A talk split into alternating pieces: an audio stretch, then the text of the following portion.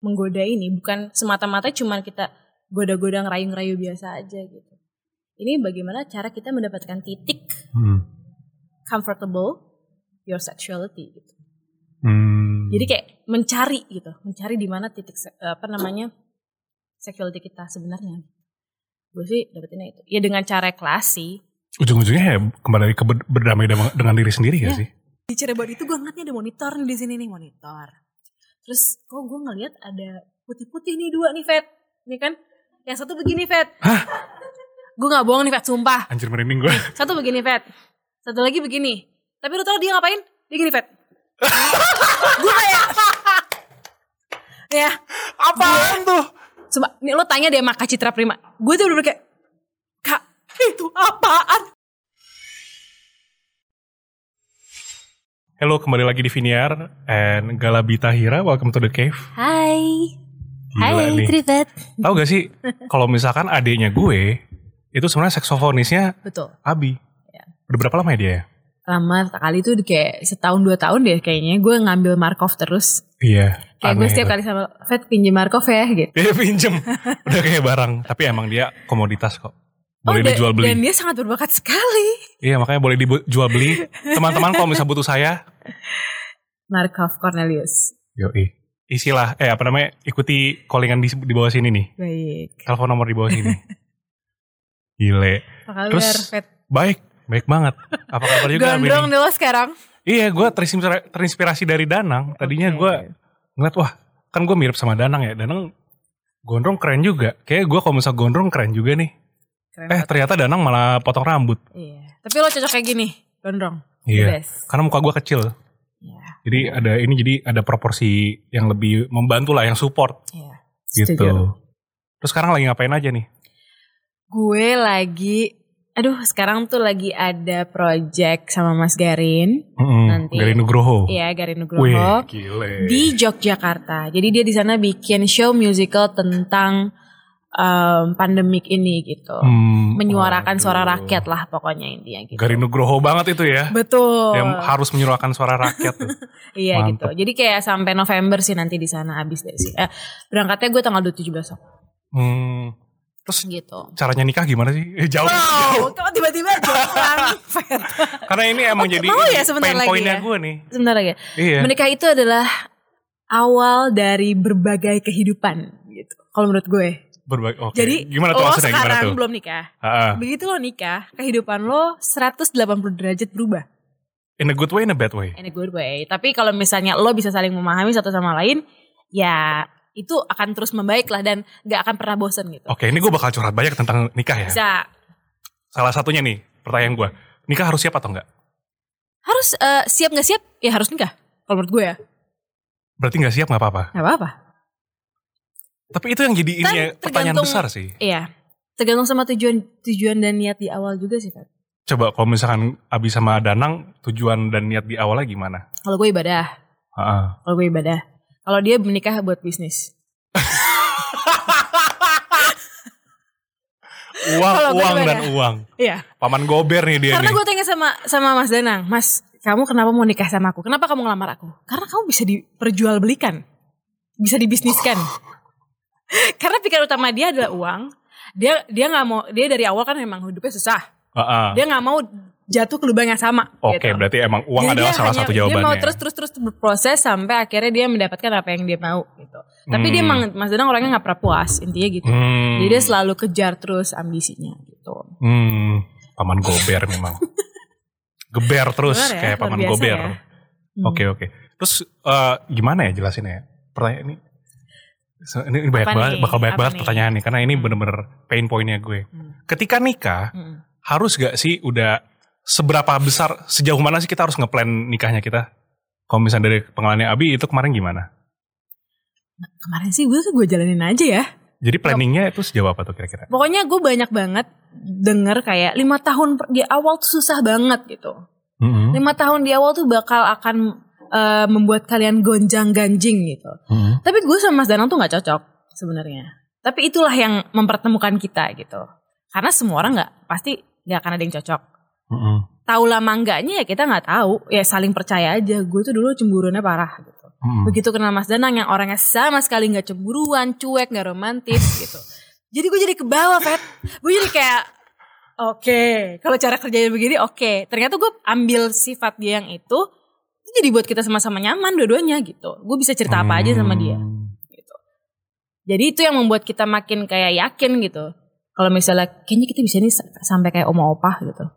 Hmm, jadi Itu tergantung dari kita berduanya sih karena diskusi Oke, itu oke, paling oke. penting menurut gue buat, diskusi dulu. buat kita berdua. Tapi kok bisa susah untuk meraih diskusi gimana? Kayak misalkan nih Hmm. ada case.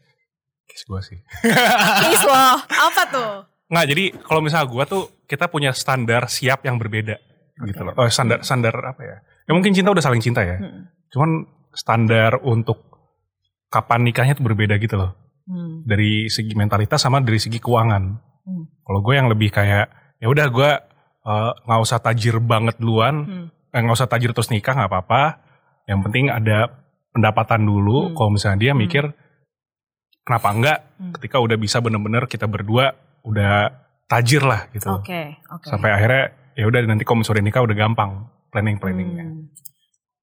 Iya sih, tapi menurut gue sih Fet sebenarnya siap nggak siap kalau lo benar-benar yakin lo bisa komitmen sama istri calon istri lo nanti gitu. Kayak apa ya? Rezeki lo sama rezeki dia tuh akan bersama-sama gitu tumbuhnya kalau menurut gue. Gitu. Oke. Jadi kayak masalah uang, masalah apa segala gue juga sama Mas dari nol. Bahkan yang kayak kita emang belum punya apa-apa, tapi karena kita digabungkan menjadi satu gitu. Badan kita nih, otak kita jadi satu gitu sama-sama berjuangnya gitu. Hmm. Itu menghasilkan bunga-bunga yang indah pada nantinya kok gitu. Jadi nggak perlu takut menurut gue gitu. Karena kalau lo yakin sama satu orang, ya kalau lo jalanin, lo serius, ya lo pasti akan memantapkan itu sampai akhir kan gitu. Nggak mungkin lo stuck di tengah jalan terus lo nggak tahu ngambang mau ke mana gitu. Sorry maaf, agak heboh ya. gitu. Oke oke. Berarti kalau misalnya bisa dianalogikan akarnya tuh diyakinnya dulu ya. Kalau Iya. misalnya yakinnya udah kuat, Mm-mm. nanti udah terombang, udah kena hujan, kena badai juga Mm-mm. pohonnya nggak bakal ke mana-mana. Karena maksud gue, ya uang memang penting untuk kita ke depannya, gitu sekali. kan. Bukan hanya dari cinta, bukan hanya dari hasrat gitu, bukan hanya dari belenggu nafsu gitu. Cuman bagaimana cara kita untuk bertahan berdua bersama gitu, Mm-mm. untuk mencapai satu rezeki yang di atas gitu. Jadi kayak ya udah semua tuh udah ada jalannya aja. Gitu. Maaf ya kalau bahasa gue agak-agak kayak semi-semi puitis gitu karena gue anaknya sebenarnya susah banget untuk untuk mengatur kata-kata. Jadi gue masih belajar dalam mengatur kata-kata sama Mas Danang. Nggak apa-apa. Karena suka ditegur sama dia. Bagus kok tapi jadi lebih poetik gitu. Oke Lebih lebih asik masuknya, lebih sopan masuk ke telinga kalau kata anak-anak Iya milenial. Mm-mm, Mm-mm. Gitu. Terus berarti kalau misalkan dari segi ini, gue pengen nanya deh. Hmm. Pertama kali lu ketemu sama Danang tuh gimana caranya? Itu waktu gue eh wushu. Waktu itu gue wushu, Wushu? sama Sherina. Itu kayak gue wushu berdua sama Sherina. Terus gue ngeliat nih siapa nih anak pakai kacamata tebel banget kayak tutup botol gitu kan kacamatanya. terus kayak terus kayak oh terus dulu dia dipanggilnya tuh Yoyo. Yo yo. Mas Danang. Iya Kenapa yo yo? Gak tahu kenapa mungkin karena pelangap longo kali ya. Naik Jadi turun kayak- naik turun kayak yo yo. Enggak kan emang kayak pelangap longo aja bengong-bengong gitu Fet. Sampai sekarang juga. Iya gitu. Terus akhirnya dia eh, gue ketemu sama dari situ kayak oh lucu ya gitu. Tapi kaku banget sama sekali nggak ada komunikasi kita satu sama lain. Gue cuma kenal sama nyokapnya. Akhirnya berselang waktu lah SMA gue tahu-tahuan aja dia. Terus kita ketemu lagi pas musical gitu. Mm-mm. Akhirnya pas musical gue pas Sherina kan ya. Mm-mm. Petualangan Sherina. Petualangan Sherina. Eh sebelum Petualangan Sherina ada satu lagi. Oh, sebelum itu ada lagi? Musikal sekolahan dari Jakarta Moving juga Oke. musikal sekolahan. Terus akhirnya pertama kali di situ gue ketemu dia sama Teza. Gue ngobrol lah sama Mas Danang kayak, eh kita dulu teman wushu loh bro gitu. Sampai katanya, oh iya iya gue Oh sorry, sebentar. Wushunya itu dari SMA berarti? Dari SMP, SMP? SMP kelas 1. Oke oke, lanjut Mm-mm. lanjut lanjut. Dulu kita teman wushu loh, oh, oh iya gitu. Iya iya, akhirnya dia waktu itu punya pacar, gue juga, gue baru putus. Gitu. Jadi Hmm. kayak saling-saling inilah gitu. Cuman gue sama dia tuh nyambung banget di situ gitu. Ya udah akhirnya kayak setahun setelah itu, udah deh dia deketin deketin deketin, udah akhirnya kita jadian. Gitu. Oh itu dari SMP ternyata ya? Dari SMP. Tapi sebenarnya yang suka duluan tuh gue, Fet. Hmm. Gitu. Dia gak suka sama gue. Kan gue udah bilang dia mau sama gue tuh karena duit. Hmm, betul. Jadi- Kapitalis dia. sama sama dia bilang kamu nggak pakai kacamata kan? Ya udah kalau kamu nggak pakai kacamata kita nikah yuk. Gitu. Oh biar memperbaiki keturunan. Iya. Astaga Danang. Gak tahu juga sih ya. Kapitalis itu bener-bener ultimate kapitalis nih Danang diem-diem ya. Hmm. Hmm, gitu. Ya Cocok masuk lucu-lucunya sih Illuminati gitu. dia tuh. Lucu-lucu sih gitu. Cuman ya emang kita se senyaman itu sih berdua gitu. Karena memang udah aku lebih kenal sama mamanya tuh udah lama gitu sebelum Hmm. kenal sama dia. Gitu. Jadi ya udah udah enak. Hmm, menarik, menarik, menarik, menarik.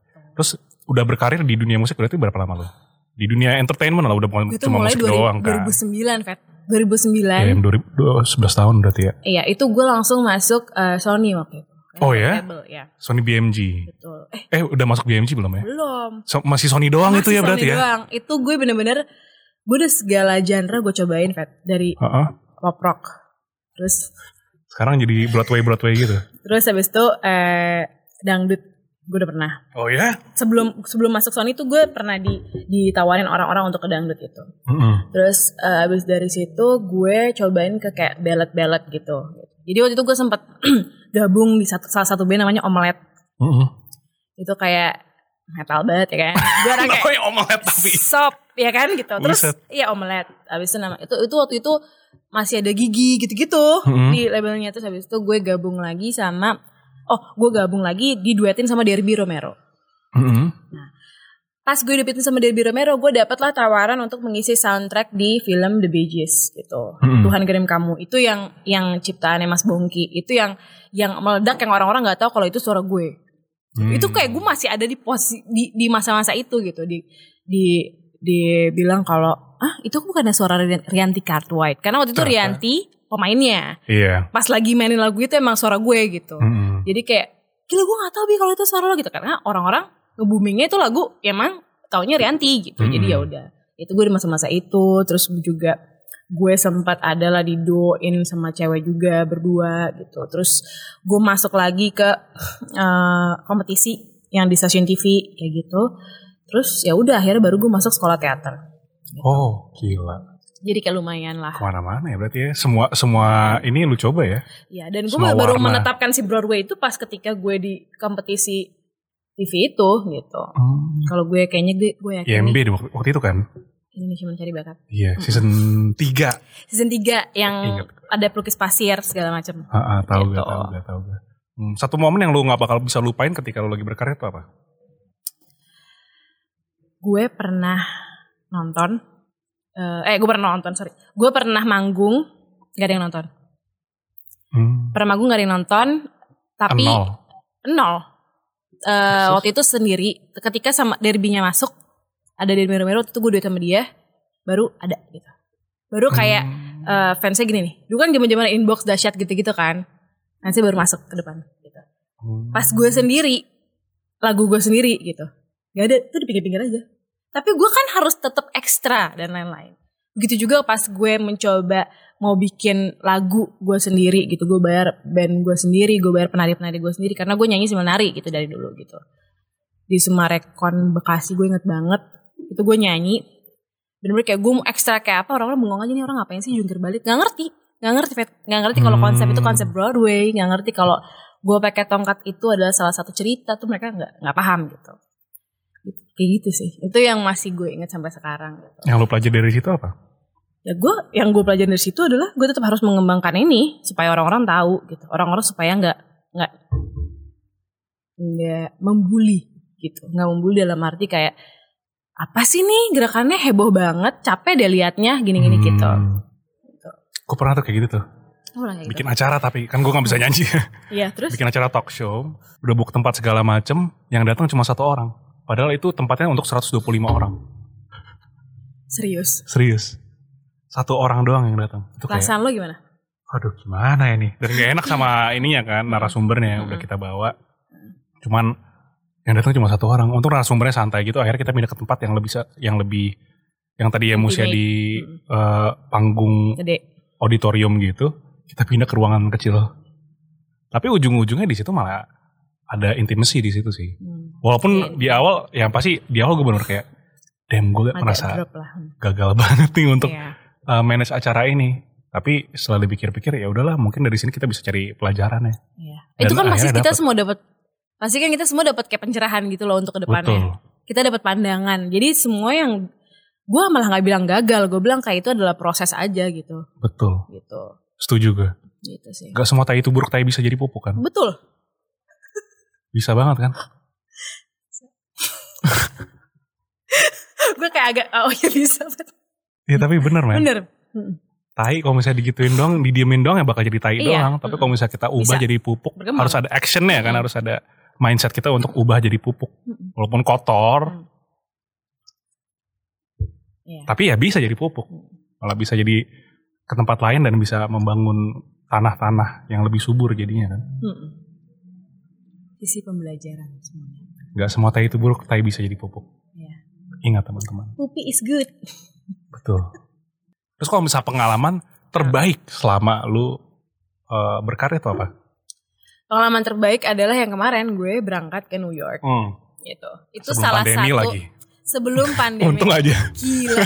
Karena gue untuk mencapai sisi beasiswa yang eh, apa namanya kita bisa showcase di sana. Maksudnya gue dapet tiket terbang ke sana aja tuh gue sampai nggak percaya sebenarnya gitu. Mm-mm. Karena itu eh, di audisi dari tujuh- eh, 600 peserta audisi online, terus kita dipilih untuk 200 peserta, kita datang audisi workshop, dipilih lagi 75, dibabat lagi jadi 13 peserta. 13 13 yang berangkat gitu. dari 600. Dari 600. Buset, dah Dan itu banget. kita menghafalkan eh, apa namanya eh, lagu-lagunya tuh ada 40 lagu musical dan itu musical Amerika ya. Gitu. Hmm. Yang emang emang mereka build gitu untuk si dari Galeri Indonesia Kaya, dari terus dia kerja sama sama Passport to Broadway gitu. Yang salah Hmm. satu sekolah musical di sana. Jadi kita belajar dari situ. Masing-masing orang tuh kedapatan kemarin kayak gue dapet empat karakter gitu Untuk meranin itu. memerankan itu untuk audisinya, untuk audisinya, untuk untuk di sananya gitu. Itu masing-masing orang selalu dapat empat karakter. Oke. Berat. Gimana juga. cara kita nge-switchnya? Gimana cara kita ngafalin lagu-lagunya? Gimana cara kita ngulik emosinya gitu? Itu kan semuanya proses pembelajaran juga dari Jakarta. Itu gue audisi juga untuk mencapai tiket terbang ke sana itu gitu. Ini mahal men. Dolar lagi 14 ribu, eh 15 ribu zaman dulu ya. Ya mahal banget. Bukan masalah itunya juga, Fed. Maksudnya kayak oke lah uang bisa dicari nggak apa-apa. Untuk menyentuh itunya, Iya benar. Amerika gitu. Pengalamannya juga itu loh. Iya, dan kita bisa showcase di sana gitu loh. Nyokap gue sampai tahu loh. Nyokap Oh, gue iya? kayak, eh Markov lihat nih, Abi sampai ke Broadway loh. Keren juga dia gitu loh. Aduh makasih tante.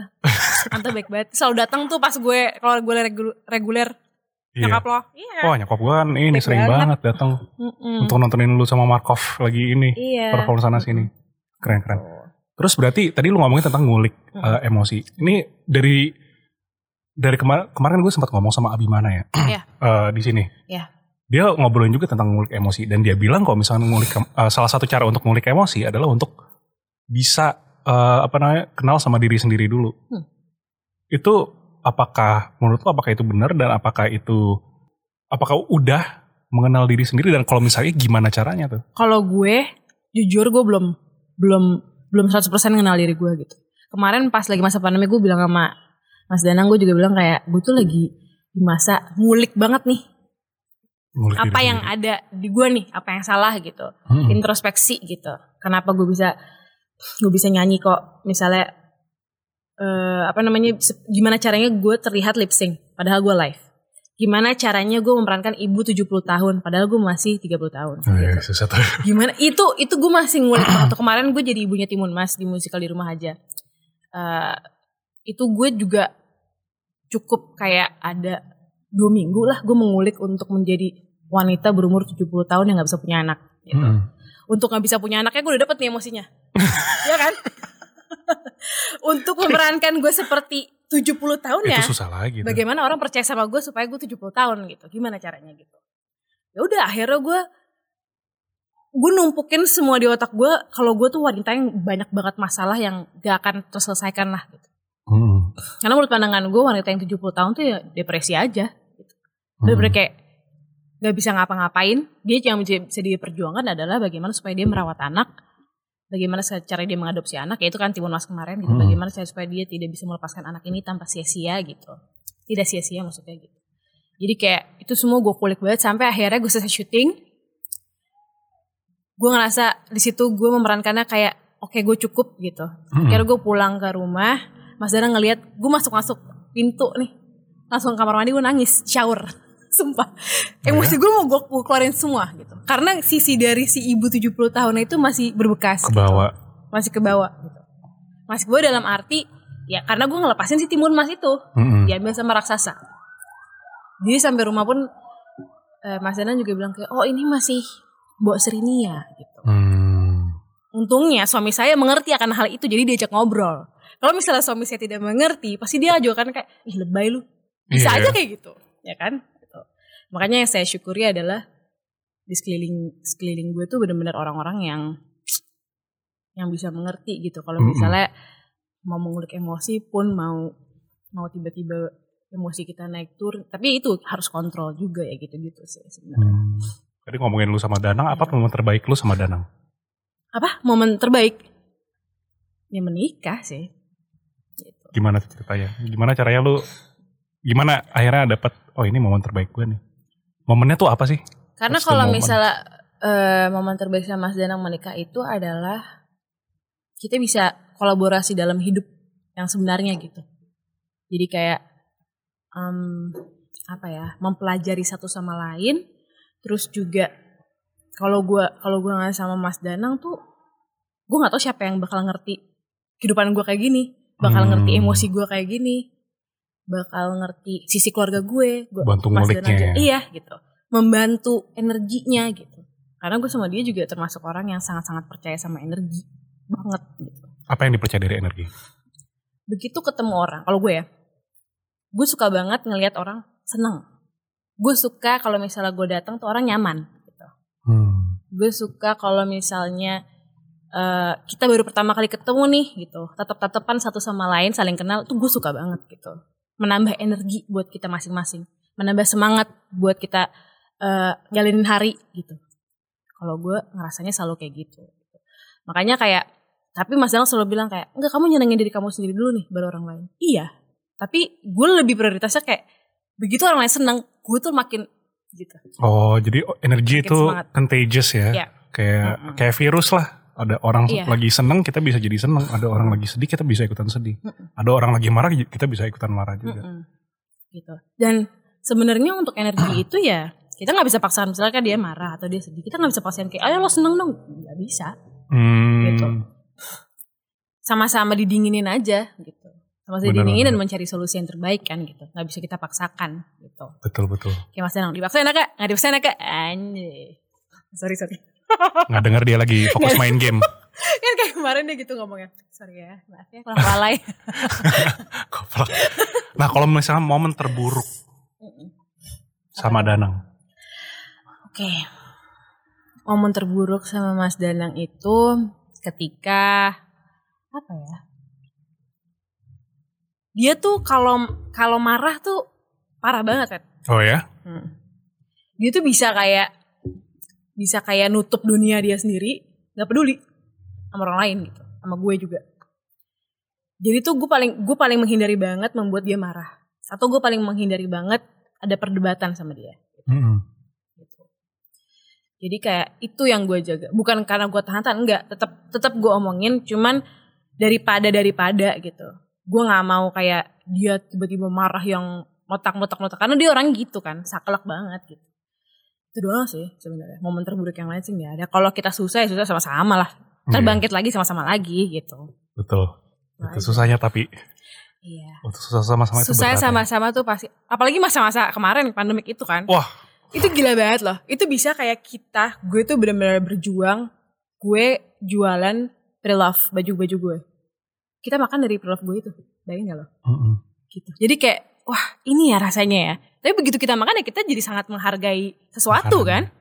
Hmm, Bagaimana cara kita ngedapetin ini susah? Iya. pentingnya kita dapat momen-momen susah sebenarnya jadi ujung-ujung kita nggak kita kalau misalnya dapat eh, sesuatu kalau misalnya kita dapat bonus kita malah jadi bersyukur Mm. ya kan dan kalau misalnya kita dapat kesusahan kita juga jadi merasa oh ternyata yang kemarin lagi naik itu harus di jangan di take for granted ya Bener. dan itu susahnya tuh Tapi kan kita segala sesuatu ya pasti mau kita cuman makan nasi sama tempe atau ya kan kita disyukuri kita dapat udah dapat sesuatu nih kita nggak merasa kelaparan sampai asam lambung kumat gitu kan Mm-mm. yang penting ada yang diisi gitu dengan jerih payah yang ada gitu makanya bagaimana cara sampai saat ini ya kita menghargai ya uang gitu menghargai tiap detik tiap momen kita hargai gitu nggak cuma hanya uang semua lah Tuh. semuanya kita hargain gitu Walaupun uang itu juga penting ya. penting tapi kan uang gak dibawa mati juga kan Iya sih. maksud gue ya em- memang it- kita hidup pakai uang gitu cuman ya semata-mata kalau kitanya nggak bahagia atau kitanya nggak nyaman susah kalau misalnya kita mesti bandingin pakai uang terus Benar. Setuju saya. Tapi uang tuh enak. banget Beri kami makanya uang. kerja keras kerja keras yuk Sponsori kami. kan udah lama gak dapet sponsor. Capek. Sabar Feb Sabar. Iya harus sabar sih. Bener-bener. Nah momen ngomongin sabar. Pernah gak lu merasa kehilangan, ada gak momen di mana lu kehilangan kesabaran ketika lagi berkarir? ada ada banget itu Apa sebelum gue nikah tuh gue udah nggak mau jadi penyanyi waktu itu Oh ya? pas Mas Danang akhirnya bilang ya maksudnya Mas Danang banyak berpengaruh banyak lah untuk meningkatkan energi gue yang kayak ayo nikah sama aku kita last fight karena makanya lah semuanya dia yang ngurus Mm-mm. gitu. Dia ngurus gue dia ngurus album gue dia ngurus desain dia nge- nge-rebranding nama gue. Tadinya nama gue Abi Galabi di salah satu stasiun TV itu terus tiba-tiba diganti sama dia Galabi aja karena kamu gala. Kamu Hmm. ya udah kamu besar nantinya gitu. Dan gue tidak terpatok untuk orang suka sama karya gue. Gue juga tidak mau terkenal yang bagaimana bagaimana sebagaimana banget cuman gue hanya pengen dihargai aja karyanya gitu apa yang gue bentuk apa yang gue ya apa yang gue bentuk apa yang gue kembangkan nyanyi sama nari yang dengan konsep Broadway ini gitu pengennya semua orang ya enjoy aja tapi kalau misalnya nggak suka ya nggak masalah juga Hmm. Gimana cara balance berkarya sama idealisme? Eh sorry, eh, idealisme sama sama duit lah. Gimana cara balance-nya itu? Menurut lo? gue dulu sering banget Fat gue cuman jadi bahan promo aja tanpa gue dibayar Oh ya? zaman gue masih merintis di gala-gala dinner beberapa pejabat-pejabat. Gue sempet reguler di acara malam sampai ke pagi. Itu gue cuma dibayar dengan kata-kata promo. Kayak Exposure. ini yang nonton orang ini loh. Ini yang nonton pejabat ini loh. Ini yang nonton kamu ini loh. Oh ya, even di tempat-tempat masih kayak gitu. iya itu gue masih belum sama Mas Danang ya. Heeh. iya. Itu kayak kamu kamu mesti ini kamu itu hanya dengan dibilang promo aja gitu tanpa ada iming-iming uang karena gue suka karena gue cinta banget sama apa yang gue jalanin gitu Hmm. gue total ya udah gue bertahan tuh sampai setengah tahun untuk gue tanpa dibayar Mm-mm. bekerja kayak berjam-jam dengan kata-kata promo gitu karena gue suka karena gue tidak mengenal lelah yang apa yang gue jadi emang kayak ya udah yang penting gue tampil Mm-mm. ya udah yang penting gue nyanyi yang penting gue menghibur yang penting eh, sesuai sama genre yang gue mau. Jadi ya udah akhirnya ya mungkin kata Tuhan sudah saatnya barulah akhirnya gue keluar dari situ Mas Danang tarik udah baru gue bisa dibayar dengan proper orang bisa Hmm. menghargai gue bisa menghargai karya gue gitu orang jadi tahu oh ini tuh burlesque Mm-mm. Burlesque tuh apa sih? Burlesque tuh kayak sandiwara komedi kalau di Amerika. Tapi gue di sini nyusunnya dengan seksi, humor, tapi tetap eh, sopan gitu. Hmm. Tetap ada syariahnya lah. Berles syariah. Burlesque syariah. Karena jujur emang gue nggak pernah yang berpakaian terbuka kan gitu. Iya. Tapi bagaimana orang melihatnya seksi, tapi ya classy aja gitu. gitu. Kayak makanya kayak gue gambar, iya kan? Gue selalu gue selalu menggambarkan kayak ini loh, misalnya orang kenapa sih Bi lo nari pakai kursi gitu? Kenapa lo ngengkang? Kenapa lo kaki lo ke atas? Kenapa? Karena memang itu belas, itu Broadway, itu yang itu ada gue bercerita di situ. Kenapa gue pakai kursi? Itu namanya the art of seduction. Jadi misalnya gue dudukin laki-laki di kursi itu, ya terus menggerayangi lah gitu kan. Itu the artnya of seduction. Itu bagaimana kita menunjukkan eh, merayu dia, bagaimana cara kita Hmm. ekspresikan eh, apa namanya seksi tapi menggoda yang bukan nyeleneh kayak gitu. Itu Hmm. Benar-benar diatur banget gitu. Jadi kayak dan gue belajar juga Fat di situ. Ini tuh seduction ini, menggoda ini bukan semata-mata cuman kita goda-goda ngerayu-ngerayu biasa aja gitu. Ini bagaimana cara kita mendapatkan titik Hmm. comfortable your sexuality gitu. Hmm. Jadi kayak mencari gitu, mencari di mana titik apa namanya sexuality kita sebenarnya. Gue sih dapetinnya itu. Ya dengan cara klasi, ujung-ujungnya ya kembali ke ber- berdamai dengan diri sendiri gak Iya. sih? Karena kalau misalnya nggak berdamai dengan sendiri, kita nggak bakal bisa menunjukkan seksualitasnya kita itu kan, quote unquote. Nggak, iya nggak terkontrol bahasanya. Iya, dulu dulu zaman-zaman belum nikah kan sama yang lain-lain, cowok yang ada di situ pasti harus ada objeknya gitu. Mm-mm. Jika sama Mas Danang, ya harus sama dia terus, nggak bisa sama yang lain lagi saya. Tapi enak Gitu. dong, udah comfortable juga soalnya. Oh iya pasti pasti. Lebih dan simple. dan lebih sebenarnya memang lebih lebih apa ya namanya?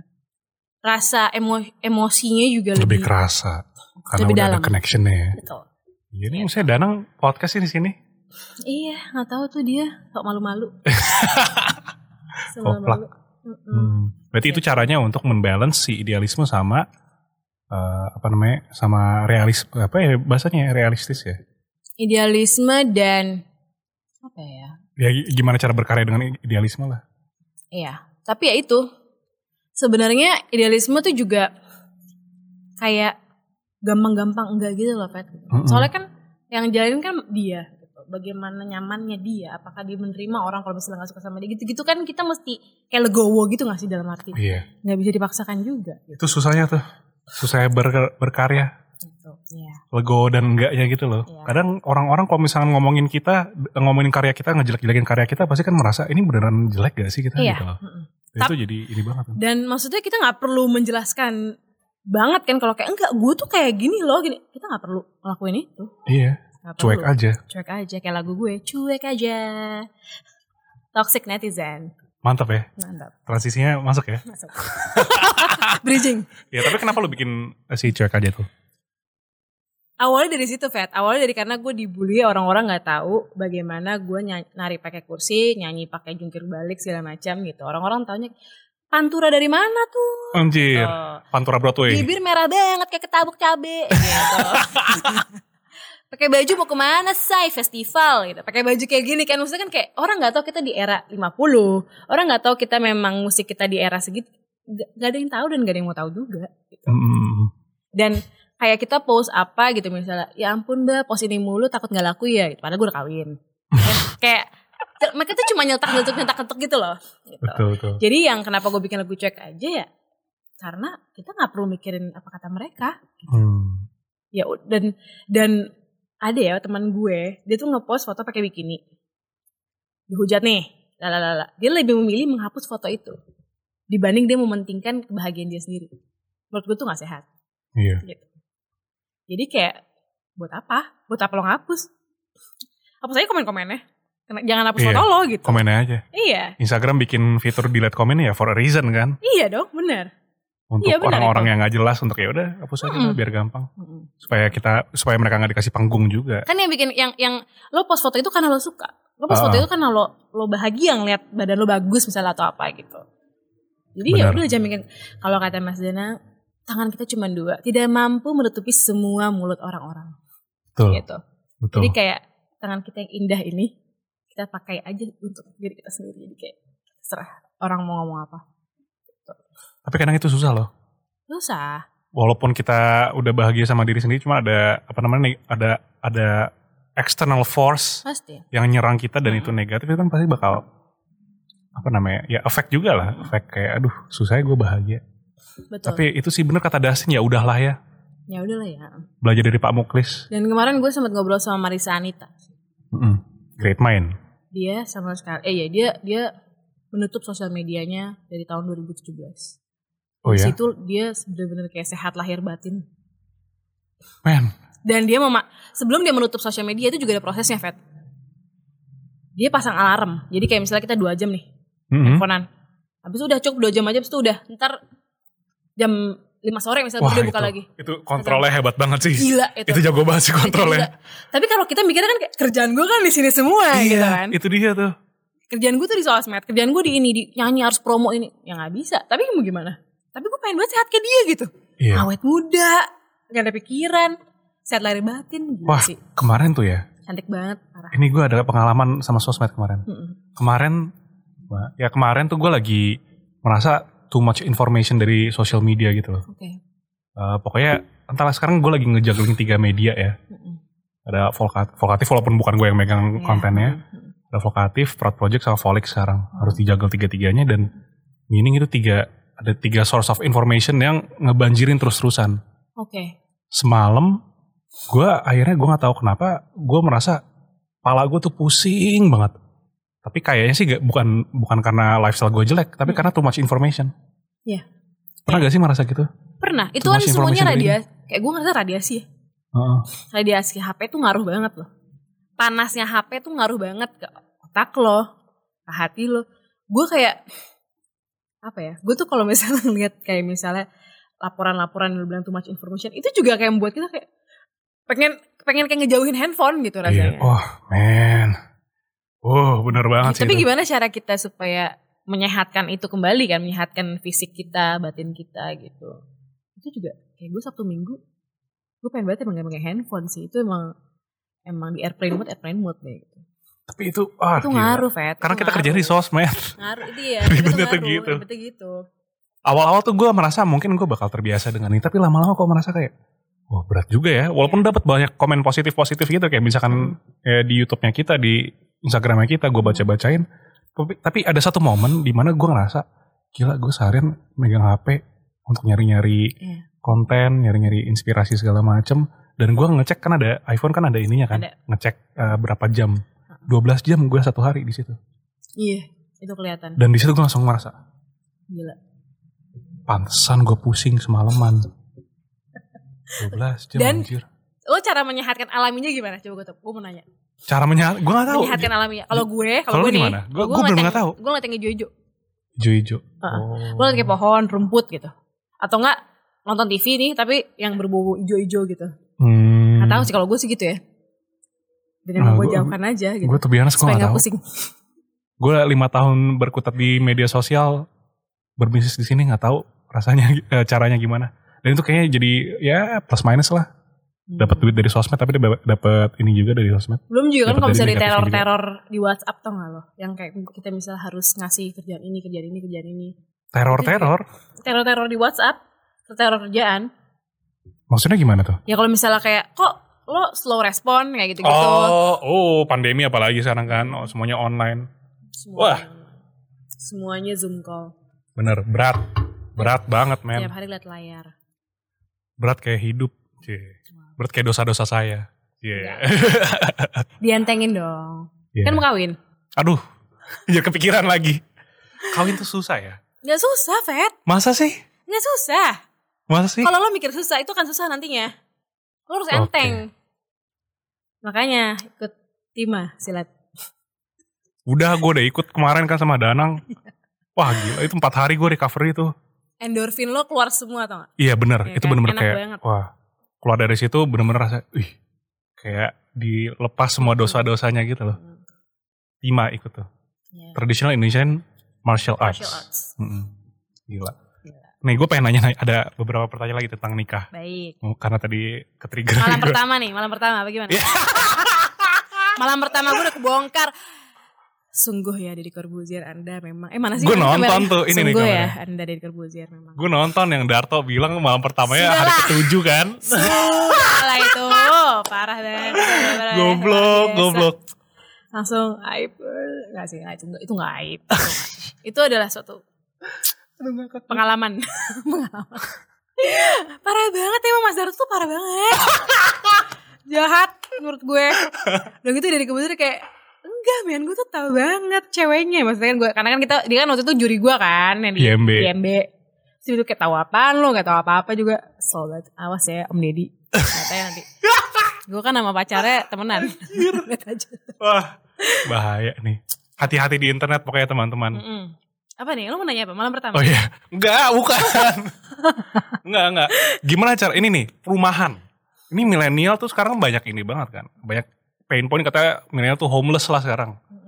Gimana caranya lu berdua nge apa namanya?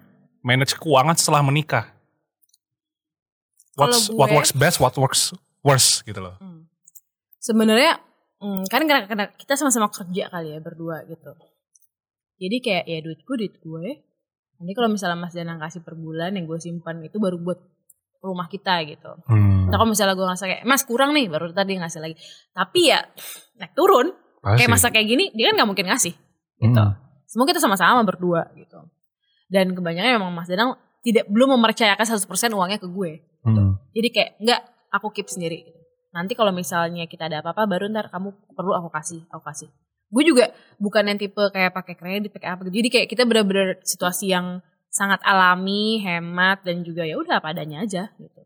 Hmm. Tidak memusingkan sana sini sana sini yang penting sama-sama cukup, tidak berlebihan, tidak kekurangan, semuanya cukup gitu aja. Cukup sih. Cukup Iya. aja gitu. Nggak usah kebanyakan capek nanti. Berlebihan nggak baik buat kita, kekurangan juga jangan gitu. Benar, Cukup kebanyakan aja. air jadi banjir. Kekurangan air jadi kekeringan. True. Benar, benar, benar, benar. Gitu. Nah itu tadi nomor satu. Rumah. Nomor dua, gimana caranya handle argument? Karena pasti kan setiap hari ketemu orang yang sama. Nggak Mm-mm. mungkin dapat positifnya doang. Bosan iya, Pasti. bosan banget. Setiap pasti. hari ketemu. Tiap gitu. hari. Tapi gimana cara supaya kita nge-build kayak kita tuh temen loh, temen dalam arti teman tapi kita ada cinta gitu, teman tapi kita sayang banget satu sama lain gitu. Mm-mm. Teman-teman seumur hidup sampai nanti sampai kita kakek nenek gitu. Gimana cara kita setiap harinya ada kenangan gitu. Itu yang gue pertahanin sama Mas Danang sih sampai Oke, sekarang. jadi tanyakan ke di- diri sendiri gimana setiap harinya kita punya ada kenangan. Iya, gue setiap waktu, setiap hari Hmm. itu kayak Mas Danang tuh kalau misalnya sama gue kayak anak, Mas Danang juga anggap gue kayak anak gitu. Jadi kayak kita membuat emosi itu tiap tiap detik, tiap kita pergi ke mana, tiap ini ya kalau bisa ya kita bikin kenangan di situ. gitu. Karena itu yang mempertahankan gue sama Mas Danang sampai sekarang. Oke. Saling menarik percaya, nih, terus juga menarik. gue dia nggak pernah nanya gue pulang jam berapa gini nggak pernah maksud ya tapi kita udah ada satu vision yang sama gitu visi yang sama ya udah kita nggak perlu memperibetkan hal-hal yang nggak perlu gitu Pokoknya dengan cara mempertanyakan ke diri sendiri ya. Iya. Hari ini kita bisa bikin kenangan apa Iya. ke pasangan. Iya. Oke, itu itu sesuatu yang gue baru belajar sekarang. Menarik tuh. karena Simpel kalau lo flat aja lo menganggap kayak ah, ntar juga besok ketemu lagi. Nanti besok ketemu lagi. Kita nggak tahu men. Kita nggak tahu Tuhan ngambil kita kapan. Betul. intinya itu. Gue tuh selalu kayak berpikir gue bukannya gimana gimana. Cuman gue selalu berpikir kayak kita nggak tahu umur kita sampai berapa. Kita nggak tahu. Yes. itu yang gue selalu netepin sama Danang kayak ayo kita ini yuk. Meskipun dia marah ya gue anggap kayak ih tadi juga baik lagi gitu. Jadi gue nganggapnya selalu yang kayak oke deh positif positif. Kalau gue nangis ya gue nangis tapi abis itu kita bicarakan gitu tapi dengan penuh arti dengan penuh diskusi yang dalam nggak nggak cuman kayak cengenges cengenges atau abis itu kayak abis marah abis itu udahan baikan yang yang seflat flat enggak pasti kita akan omongin dengan dalam terus tiap harinya gitu. Komunikasi ya. komunikasi itu penting banget. Sama ini waktu itu waktu itu gue pernah uh, baca ada satu artikel bilang yang lebih penting dalam dunia komunikasi yang penting ada comprehension mengerti sesama lain Hmm. karena kalau misalnya kita ngomong doang cuman nggak saling mengerti itu berbahaya Ya. itu yang ada juga malah perang kayak Mm-mm. orang-orang perang kan sebenarnya emang udah ada diplomasinya kan betul tapi mereka tidak mengerti satu sama lain akhirnya malah bunuh-bunuhan Iya, betul. nah ini kalau misalkan mungkin di dalam gue gue nggak bisa eh, Sebenarnya ini gini, gua Ngerti sama kredibel sih sebenarnya untuk ngomongin ini tapi iya, nggak apa-apa. Maksudnya ngerti sama paham itu beda-beda tipis tuh. Kalau gue nggak nanggapnya gitu. Mm-mm. Gue bisa ngertiin Mas Danang. Tapi gue bisa nggak mahamin sikap dia, sifat dia gitu. Sampai sekarang gue ngerti iya. Tapi kan ngerti kalau kita pupuk terus kan nanti lama-lama jadi kayak duar gitu kan. Kalau misalnya kitanya mendem-mendem-mendem. Tapi kalau kita paham, gue paham. Oh lo begini gue paham. Yuk kalau gitu kita gini yuk ke depannya. Oh kalau gitu kita ini. Jadi kita pahamin gitu. Hmm, oke ada perbedaan tipis tuh kita ya. rangkul gitu. Sifat jelek dia banget nih. Tapi kalau kita tinggalin, ntar kita meledak sendiri loh di ending. Ntar kita bisa Hmm. ke mana-mana, bisa kecurhat ke mana-mana apa nggak jelas gitu. Mm-mm. Tapi kalau kita pahamin dia, kita rangkul pelan-pelan, pelan-pelan, pelan-pelan gitu. Tapi lama-lama kita jadi ngerti sendiri, jadi kita nggak sakit hati, jadi nggak nggak luka sendiri gitu. Kadang kan Hmm. ada perempuan yang pasti ngerasa tersakiti sama suaminya, apa pun itu. Dia ngerasa kayak kok jahat banget tiap kali kita diginiin terus pulang nggak ngabarin apa. Mas Danang tuh nggak pernah ngabarin gue. Kalau gue misalnya dari balik keluar kota apa luar negeri gitu misalnya gue di bandara, Mas jemput aku dong. Gak usah kamu pulang sendiri aja. Dia nggak pernah jemput gue. Kenapa alasannya? Karena menurut dia tidak efisien. Kalau dia mesti jemput gue, terus dia pulang lagi, itu nggak efisien. Gitu. mending taksi aja gitu Iya. Gitu. Tapi kan gak semua perempuan ngerti. Gitu. Iya, banyak orang merasa banyak eh, pasangan malah merasa "Ih, dia Betul. nggak pedulian sama gue. Betul, nggak semua orang paham. Gue ditanya udah nyampe, ini belum nggak pernah gue ditanya kayak gitu, nggak pernah. Paling kalau misalnya gue dan Mas Danang selalu mahamin gue kayak pasti ntar Abi ngabarin. Jadi salah satu tuh kita mesti ada yang Saling paham. Oke. Dan kalau misalnya Hmm. kita nggak nggak bisa komunikasi di hal seperti itu kan tuh hal kecil ya sebenarnya. Kalau Hmm. kita nggak bisa pelan-pelan memahami hal seperti itu kan susah nantinya. Apalagi hal besar. Bener, harus benar-benar memahami ya hal-hal kecil supaya bisa latihan untuk memahami hal-hal besar. Betul. Gitu. Menarik nih, menarik banget nih. Jadi galau. jadi jadi Jangan bingung. galau, Fet. Jadi Jangan. bingung. Gak apa-apa sih bingung. Sekarang aja bingung ya tapi. Iya, iya, iya. Mahal ya nikah ya. Mahal pengetahuannya ya. iya, bener. Pengetahuan, mentalitasnya, persiapan. Aduh. Tapi yang penting lo yakin lah sama diri lo. Itu Mm-mm. yang paling penting. Itu harus yakin dulu, Fet. Sama sama seberapa dalam. Kalau lo yakin tuh, nggak nggak tau ya. Gue tuh orangnya tuh perasaan banget soalnya. Gue tuh pakai perasaan banget. Mm-mm. Gue cancer by the way. Gue tuh orangnya perasaan banget. Mas Danang tuh Aries. Susah Yang- nyambungnya ya. Sebenarnya susah nyambungnya nggak. Cuman dia tuh orangnya gini. Iya iya nggak nggak. Saklek tanpa basa-basi gitu. Terus kalau misalnya dia dia udah gak nyaman sama satu orang, misalnya ditinggalin sama dia. Ya udah gue sendiri aja hidup gue nyaman gue hidup sendiri gitu itu bisa kayak gitu dan gue tuh orangnya karena gue pakai perasaan banget. Jadi apa apa gue kalau ngomong sama dia tuh kayak kayak harus apa ya logika dia tuh kadang nggak nyampe di gue gitu. Mm-mm. karena dia orangnya kan perasaan tuh belakangan lah. Nomor yang penting satu. mm, Hmm, Mental kapitalis emang dia. jadi kayak gimana tuh cara kita balutnya? Kayak gitu-gitu gitu. Hmm. makanya kalau misalnya gue dibilang gue kecintaan sama Mas Danang ya gue cinta banget. Emang iya karena gue udah suka duluan gitu Hmm. cinta itu dia mm, sisi romantisnya beda lagi nggak perlu di nggak perlu diungkapkan dibuktiin kalau dia gitu Tapi justru itu yang sebenarnya menurut gue lebih penting gak sih? Cinta nggak bisa cuma di mulut mulutin. Hmm. Cinta harus di jorok ya jadinya ya. jorok ya mulutin Ya Iya, cinta harus diaksikan kan. betul Nggak, bisa sekedar diomongin doang. Nggak bisa ngomong I love you gitu loh. Iya. Belum tentu itu kan cuma ngomong. Iya. Tapi kalau misalnya I love you ujung-ujungnya malah apa ya?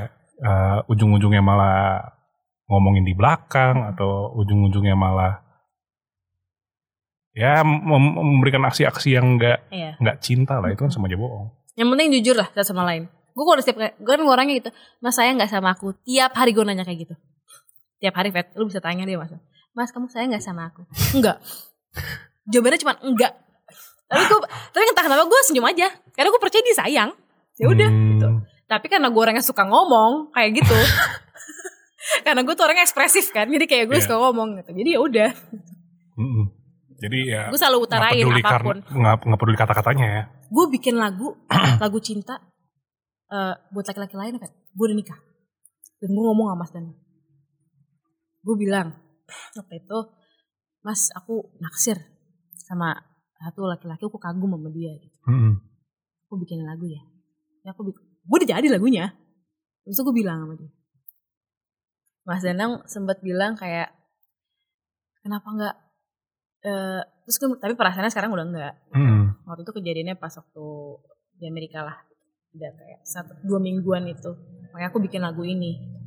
Suasana bilang kenapa nggak didalemin gitu. kenapa nggak diterusin Hmm. perasaannya sampai benar-benar lepas gitu terus aku bilang eh gue bilang kayak ehm, enggak udah cukup yang penting gue udah ngerasain terus gue udah bikin lagunya terus aku udah ngomong sama kamu Kok bisa? gue harus ngomong sama dia apa yang gue rasain itu pasti gue utarain Fat, gitu. Hmm. maupun ke lagu dan gue pasti akan ngomong sama Mas Danang apa pun gitu Kok bisa apa namanya? Kan di kayak gitu kalau misalkan di inilah percintaan anak-anak remaja milenial Hmm. sumuran gue itu pasti sesuatu yang tabu lah untuk diomongin. Susah diomongin karena merasa ah lu berarti suka sama orang lain tuh. Maksudnya ada pasti ada perusahaan perasaan jealousnya. Tuh how do you handle that?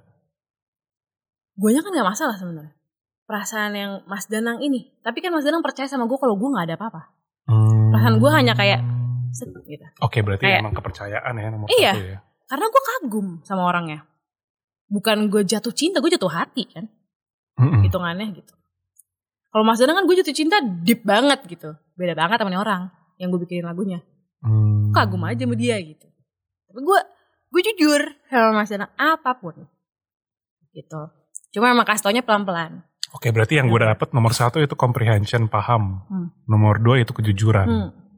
Dan kenapa gue bisa ngomong kayak gitu? Karena gue percaya dia pasti akan percaya feeling gue. Dia pasti akan percaya apa yang gue rasain.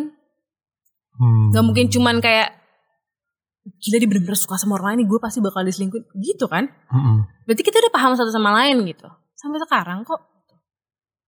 Kita berdua tuh handphone ya kalau misalnya kayak gitu kayak Mas Dana gak pernah cek. Gue juga gak, gue juga sekarang udah gak pernah ngecek handphone dia dulu. Gue, gue seringnya gitu ya. Sekarang gue udah gak ada cek-cek sekarang sekali. Karena kita saling percaya aja. Kalau udah suatu waktu dia pengen buka ya buka aja gitu. Hmm. Gitu loh. Kayak kayak gitu-gitu aja. Tapi di awal memang gue selalu ngomong apa pun sama dia. Apa pun. Karena itu bentuk dari jujur dan itu menyehatkan kita berdua sih. Hmm. Comprehension sama kejujuran sama honesty ya berarti ya. Iya. Teman-teman. Mau curhat ke ruang Galabi. Ruang Galabi, please. Di, di atas Kroma Dharma Wangsa. Tentang apa? Malam pertama boleh banget. Wah. Gue pengalaman banget malam pertama saya. Malam ketujuh maksudnya. Rifat, nggak boleh gitu dong. Terima kasih Pak Darto Aku dan sudah- Deddy Corbuzier. Aku sudah memaafkan mereka berdua. It's okay. Bahaya ini ngomong di sini di Mana internet. ya? Ini anak orang lagi. Privasi orang. Iya parah ya. Gue pakai jahat banget. Tapi ya udahlah, nggak apa-apa. Koplak. Kan itu hak masing-masing. Hmm.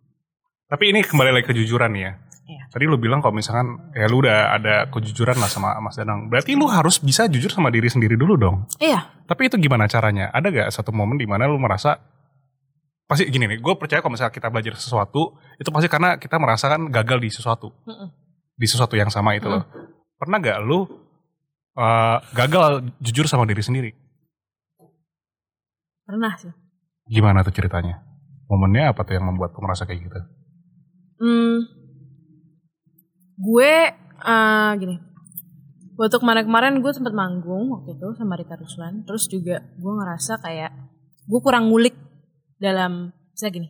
Gue tuh suka dulu nyari kayak lagu penciptanya bla bla bla bla terus kita bawain lagu orang kan kita mesti tahu dong apa isi lagu itu? Ciptaannya siapa? Tahun berapa? Gitu. Hmm. itu Mas Danang juga udah ngasih tau gue dari zaman zaman dulu gitu. Kayak kamu harus ngulik harus belajar harus tahu nih lagu siapa kapan sejarahnya apa bla bla bla bla bla bla gitu. Ketika gue kemarin manggung terus gue lupa akan hal itu Hmm. momen itu itu gue sedih, sedih banget kan gue ngerasa tapi gue gue nolak gitu. Hmm. gue nolak sama diri gue sendiri enggak kok. Enggak gue tuh belajar gue tuh ngulik gitu. Gue tuh ngerasa situ gue tuh kayak gagal banget hidup gue padahal eh, semata-mata gue nggak ngulik ciptaan siapa. Sedangkan lagu-lagu berikutnya tuh gue ngulik. Cuma satu itu gue miss gitu. Itu gue ngerasa gue gagal banget Fat. dramanya gue ya. Hmm. dramanya hati gue nih ngomong gitu. Cuman di situ gue ketampar banget deh pokoknya. Di situ gue juga di situ gue balikin lagi tuh gimana caranya gue supaya jujur lagi. Ayo dong ayo dong gitu Hmm. ayo dong lo. Apa nih? Gitu. Lo introspeksi dong apa dong? Gitu. Di situ gue bener-bener kayak drop sedrop dropnya di situ. Itu gue Hmm. ngerasa gagal banget. Gue nggak bisa jujur sama apa yang gue rasain. Karena gue nolak waktu itu mas Dong udah bilang gitu. Banyak lah orang yang bilang kayak makanya ayo belajar di sini. Makanya ayo ngulik ini. Ayo apa searching sejarah ini apa musik ini lalala gitu. Hmm. terus gue cuman kayak ya Ya bener juga sih. terus gue kayak ini harus ini tidak tidak tidak boleh terjadi lagi gitu Hmm. Dari situlah lu belajar untuk Iya. ya lebih jujur sama diri sendiri juga. dari situ gue mulai itu yang gue bilang itu ngulik diri gue sendiri itu Terus ada satu lagi nih, eh, apa namanya? Gue searching searching berarti eh, nyokap lu tuh emang dunia entertainment juga kan? Dia Dan lu masuk ke dunia entertainment. betul Itu gimana caranya? Ini ya, gue gue punya bokap, bokap gue dunia orang finance, Mm-mm. ya lumayan besar lah di dunia Mm-mm. finance. Tapi gue nggak mau masuk ke dunia finance karena gue bakal ada di bayang-bayang bokap gue. betul Gimana caranya? Lu, apakah lu merasa ada pressure itu gak? pasti itu gue inget banget tahun 2011 2012 Heeh. nyokap gue kan emang lagi di sinetron di film segala macem itu kan Heeh. waktu gue kompetisi di stasiun TV itu gue kayak pokoknya mama nggak boleh duduk di kursi penonton. Kenapa sih ntar nyokap gue disorot? Iya. Gue nggak mau kayak Ada gitu. di bayang-bayang nyokap iya, nah terus-terusan. itu gak mau kayak gitu. Itu itu gue udah gue udah bener-bener makanya pasti kenapa abi nggak pernah mau Galabi kenapa nggak pernah mau jadi pemain sinetron nggak pernah mau main film bukan nggak pernah maksudnya kayak belum saatnya kali. Hmm. dan emang gue nggak ada tertarik untuk main sinetron sebenarnya kalau film gue masih oke gitu cuma kalau untuk sinetron FTV yang kayak nyokap gue enggak cuma ya itu kayak orang casting kadang ada oh anaknya Kak Erli ya oh anaknya ini ini gitu cuman gue kayak nggak deh makanya gue selalu ikut rajin ikut audisi rajin ikut apa pun ya emang gue sendiri gitu Soalnya kan kalau misalnya akses nyokap kan pasti ada aja kan sebenarnya Iya, gitu lebih kan. cepet. Ya, cuman gue sangat menghindari itu banget gitu. Makanya karena gue suka banget audisi-audisi itu gue suka banget. Apa pun. Yaitu audisi Broadway kemarin, audisi Hmm. kompetisi di stasiun TV itu gue suka. Karena satu nambah teman, nambah ilmu. Gitu. Gue bisa kenal banyak orang, bisa kayak saling sharing gitu kan. Gitu. Hmm, menarik tuh. Satu momen yang gak bisa dilupain sama nyokap gimana? Um, momen yang sama nyokap gak bisa dilupain ya. Sebelum nikah banyak sih. banyak banget. Nyokap gue tuh galak. Oh ya? Antagonis ke bawah sampai rumah. ya kayak itu ya. Kayak tadi. Cerita, Disiplin apa namanya? Cerita, eh, actingnya ke bawah gitu ya. iya gitu elek deh maksudnya ada yang bisa ke kontrol ada yang enggak gitu Hmm. tapi kebanyakan ya kalau gue ngeliat dari nyokap gue kebanyakan gak ke kontrol ya kayaknya antagonis banyak banget dia soalnya meranin antagonis setiap peran soalnya antagonis sebelum dia pakai hijab dia antagonis terus soalnya Gitu. tapi kenangannya ya dia tuh gue ingat banget dia selalu nganterin gue ke mana-mana pakai mobil karena dia selalu nyupirin gue ke mana-mana mau audisi mau les apa les balet les renang segala macem dia selalu nganterin gue pakai mobil gitu itu sih yang gak pernah gue lupain sampai sekarang Yang lu paling pelajari dari nyokap atau apa? Hmm, kerja keras ke sana kemarinya sih. Maksudnya kayak tektokan sama orang gitu. Ini ini ini ini karena Mas Dalan juga suka bilang kayak kamu tuh kayak mama banget ya gitu. Hmm, ke bawah berarti. Ke bawah ya. banget gitu. Terus kayak harus sesuai jadwal. Ini itu ini itu harus cepet gitu. Tektok harus cak-cek gitu. Kayak gitu sih. Lo tau gak sih gue dulu sempet eh, host eh, ini masih dunia lain. Masa sih? Sumpah. Dunia lain Ya, yang trans di trans itu kan? gue 10 episode. Oh ya? Mm-mm. 2000 berapa tuh? Gue tuh itu audisi juga loh, Fet. Itu 2013 abis gue Indonesia mencari, mencari bakat. Oh IMB. Karena Ya, abis gue di hire sama si Trans, jadi Trans meminta gue untuk datang lah casting sebagai host masih dunia lain. Gue keterima. Gue nanya dong, mohon maaf nih, kenapa saya keterima gitu. Padahal gue kayak, aduh ini casting apa nih buat apa gitu. Kita nggak tahu kan soalnya di situ. Maksud gue kan kerjaan gue penyanyi nih. Gue kira gue bakal mau ditaruh di jadi home band apa gitu misalnya kan masih masuk gitu. Heeh. ini kayak oh ini buat host masih dunia lain. Sorry dari mana nih? Soalnya mata kamu mirip Susana. Oh bener. baik. Bener, bener, bener, bener. jadi kayak kita mau yang kayak bener melotot gitu kalau selamat malam gitu-gitu. Gue 10 episode Fat lo cari di YouTube masih ada. Hmm. itu bener-bener kayak merubah hidup gue kayak kenapa gue menerima menjadi host ini gitu tapi nggak apa-apa gue nganggap lagi tuh kayak proses lagi Iya. jam terbang lagi buat diri gue gitu.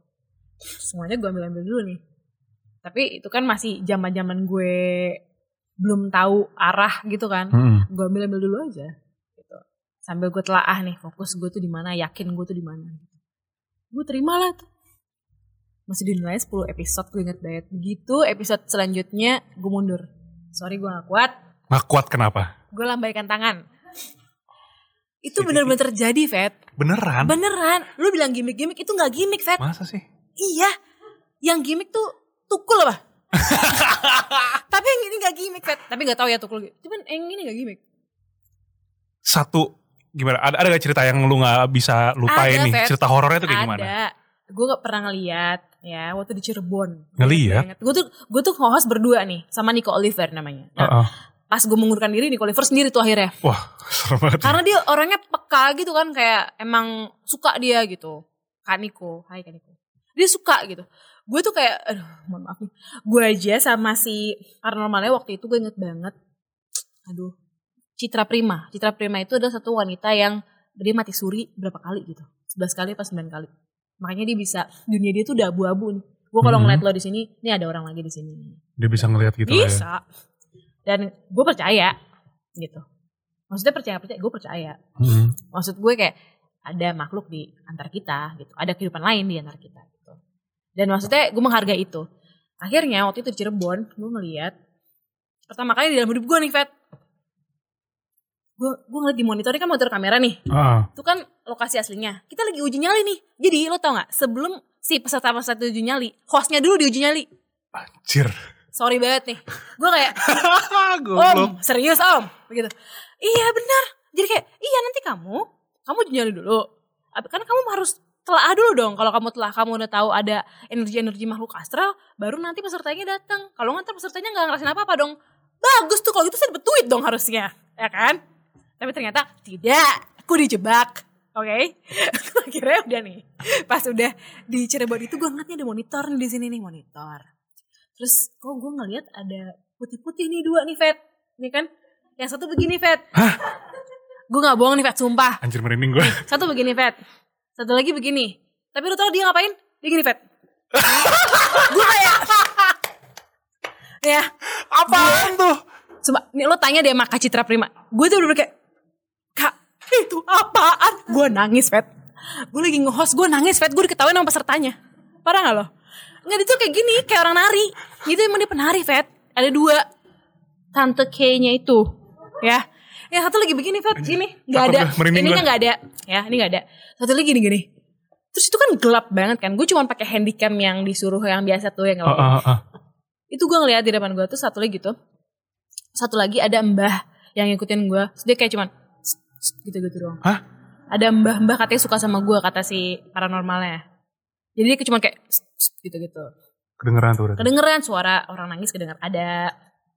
Jadi memang ada mereka. Tapi itu kayak gue ngeliat wow. Itu kayak ya gue pegangan sama sama eh, sama si paranormal gue pegangan. Dan itu kan di shoot lagi syuting ya. Harusnya kan si hostnya nggak boleh pegangan dong. Kan dia harus tegar berwibawa masalahnya gue kagak ada wibawa itu sama sekali. Parah banget. Ya gue jadi lu gue bakal kencing-kencing kali itu sambil nge-host. itu nggak lucu banget tuh kayak kenapa dia menari? Gitu loh. Serem Narinya gitu lagi. gitu. Dan dan emang nggak ada dan emang kalau mereka kan kainan tuh kayak spray gitu loh. Kayak spraynya tuh kayak kayak ngambang kayak kayak nari. Spraynya tuh kayak nari gitu Hmm. bahannya. Kain Dan Wadimor sponsori kita.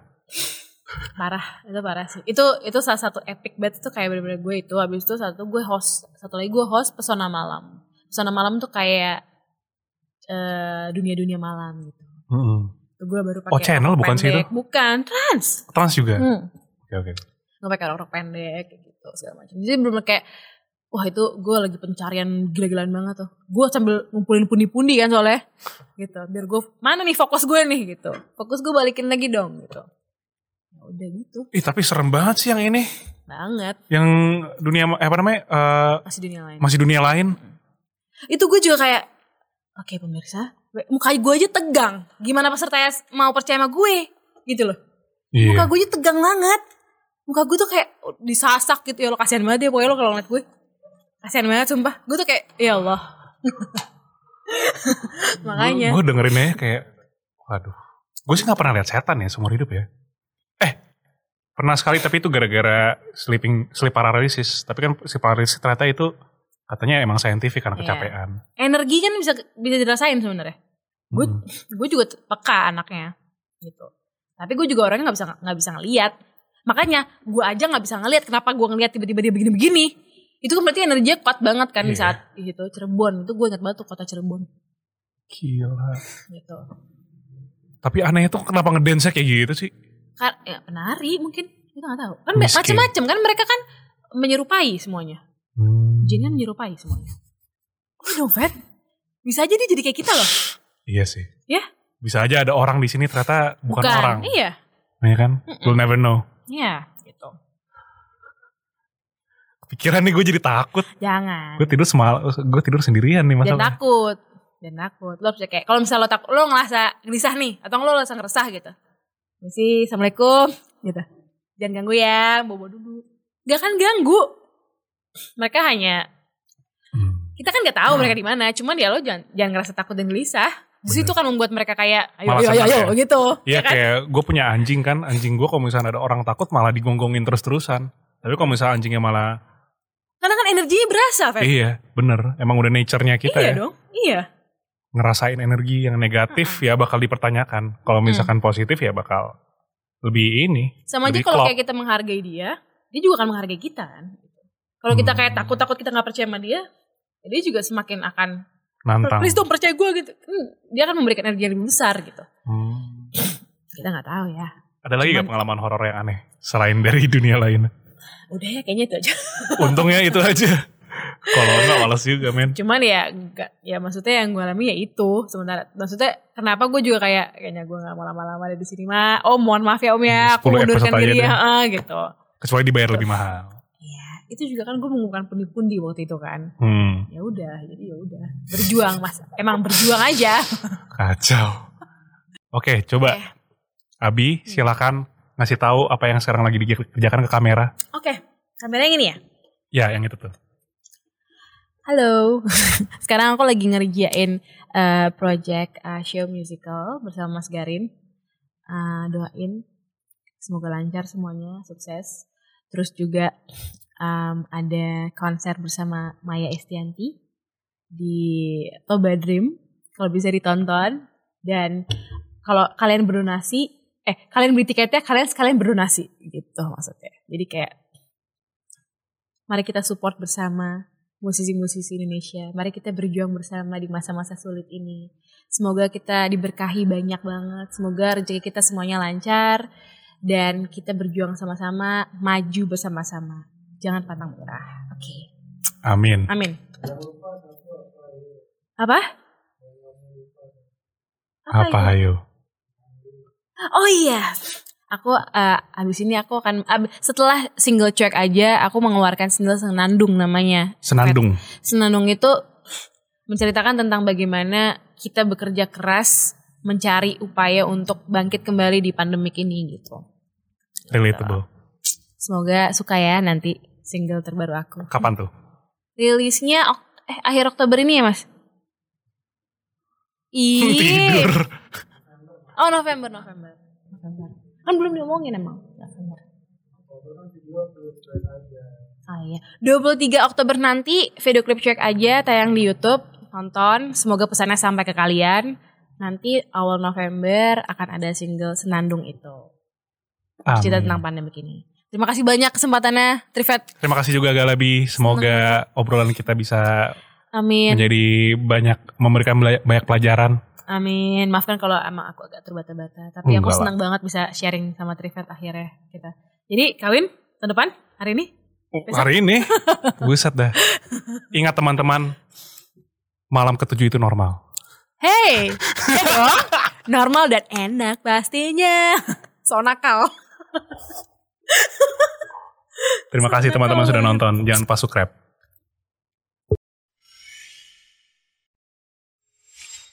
Halo para ru, halo para budak, halo pada pada para budak rupiah, pada burak rupiah. Halo para budak rupiah, thanks for listening. Follow us on Instagram, TikTok, and YouTube. Dan kalau kamu kaya, sponsor kita, biar kita semakin kaya. Oh, satu lagi, gak semua tai itu buruk, tai bisa jadi pupuk. Hahaha.